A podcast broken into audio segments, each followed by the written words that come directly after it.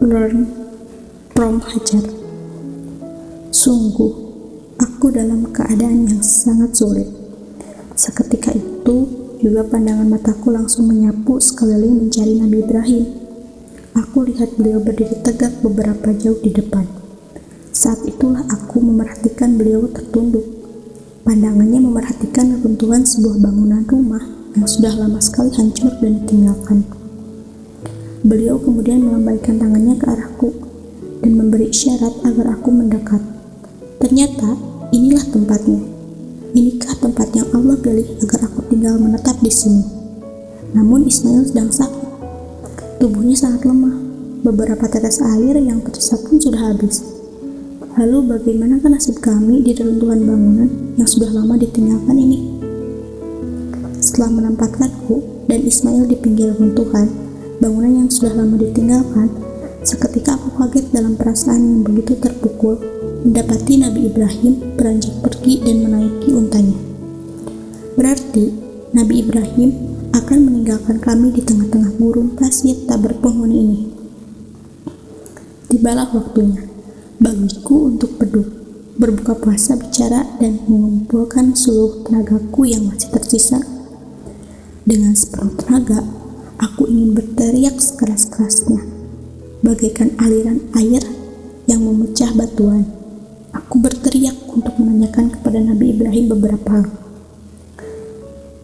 Apakah engkau akan pergi meninggalkan kami sendirian di sini? Tidak ada suara, sama sekali tidak ada jawaban. Bahkan Nabi Ibrahim semakin menjauh untuk beranjak pergi. Mengapa engkau meninggalkan kami di sini? Bagaimana nasib kami sendirian di tengah-tengah gurun tak berpenghuni ini? Dan lagi tidak ada suara. Nabi Ibrahim tidak menjawabnya. Bahkan beliau telah memulai melangkah kakinya untuk pergi. Saat itulah aku berlari dengan sekencang-kencangnya, merengek memegangi kedua kaki Nabi Ibrahim. Apakah keputusan engkau meninggalkan kami di tengah-tengah gurun pasir tidak berpenghuni ini adalah perintah Allah. Setelah mendapati keadaanku yang seperti inilah, berbulan-bulan akhirnya Nabi Ibrahim bicara, "Benar, aku meninggalkan kalian di sini karena perintah Allah." Saat itulah ribuan kata yang tersimpan dalam hatiku telah sirna dalam seketika. Semua kata telah menjadi hangus seketika. Hanya beberapa kata yang diucapkan Nabi Ibrahim. Saat itu pula Nabi Ibrahim hilang seketika. Nah, jadi kisah itu diambil dari novelnya Sibyl Eraslan, serial The Greatest Woman dengan judul Hajar, Rahasia Hati Sang Ratu Jam-Jam. Seandainya bisa berandai-andai bahwa kita lah yang ada di posisi Hajar saat itu, kira-kira bakal lain sih ceritanya? Barangkali kita akan bilang macam-macam tentang Nabi Ibrahim, istri kedua yang ditelantarkan sendirian, lebih-lebih dari Bang Toyib. Barangkali kita akan bernyanyi teganya, teganya, teganya, atau minta cerai sejak jauh-jauh hari. Ngata-ngatain suami enggak bertanggung jawab, memilih mengakhiri hidup, menangis sejadi-jadinya, melaporkan atau melakukan pembelaan diri. Tidak berlebihan dan sangat logis kan? Kalau seandainya Hajar melakukan menurut kacamata manusia biasa? Tapi, akankah lahir peradaban besar dari tanah Mekah seandainya dulu itulah yang dilakukan Hajar? Akankah Nabi Ismail tumbuh sebagai role of model pemuda yang senantiasa tersohor sampai hari ini?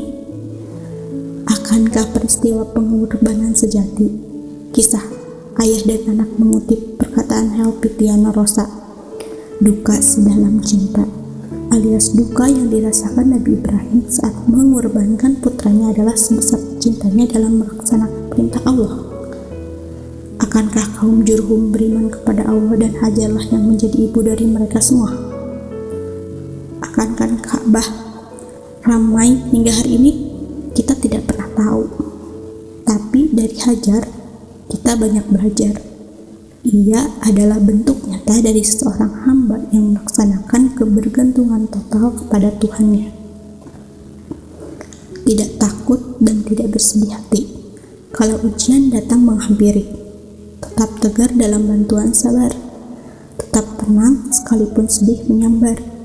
Ia tidak berputus asa, bersandar teguh pada janjinya. Selanjutnya, jika seandainya Hajar tahu bahwa air itu akan keluar dari ketukan kaki Ismail, mungkin ia tak akan bersusah payah mendaki bukit di tengah panas terik yang menyiksa.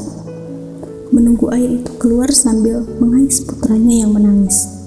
Tapi rencana Allah tidak seperti itu.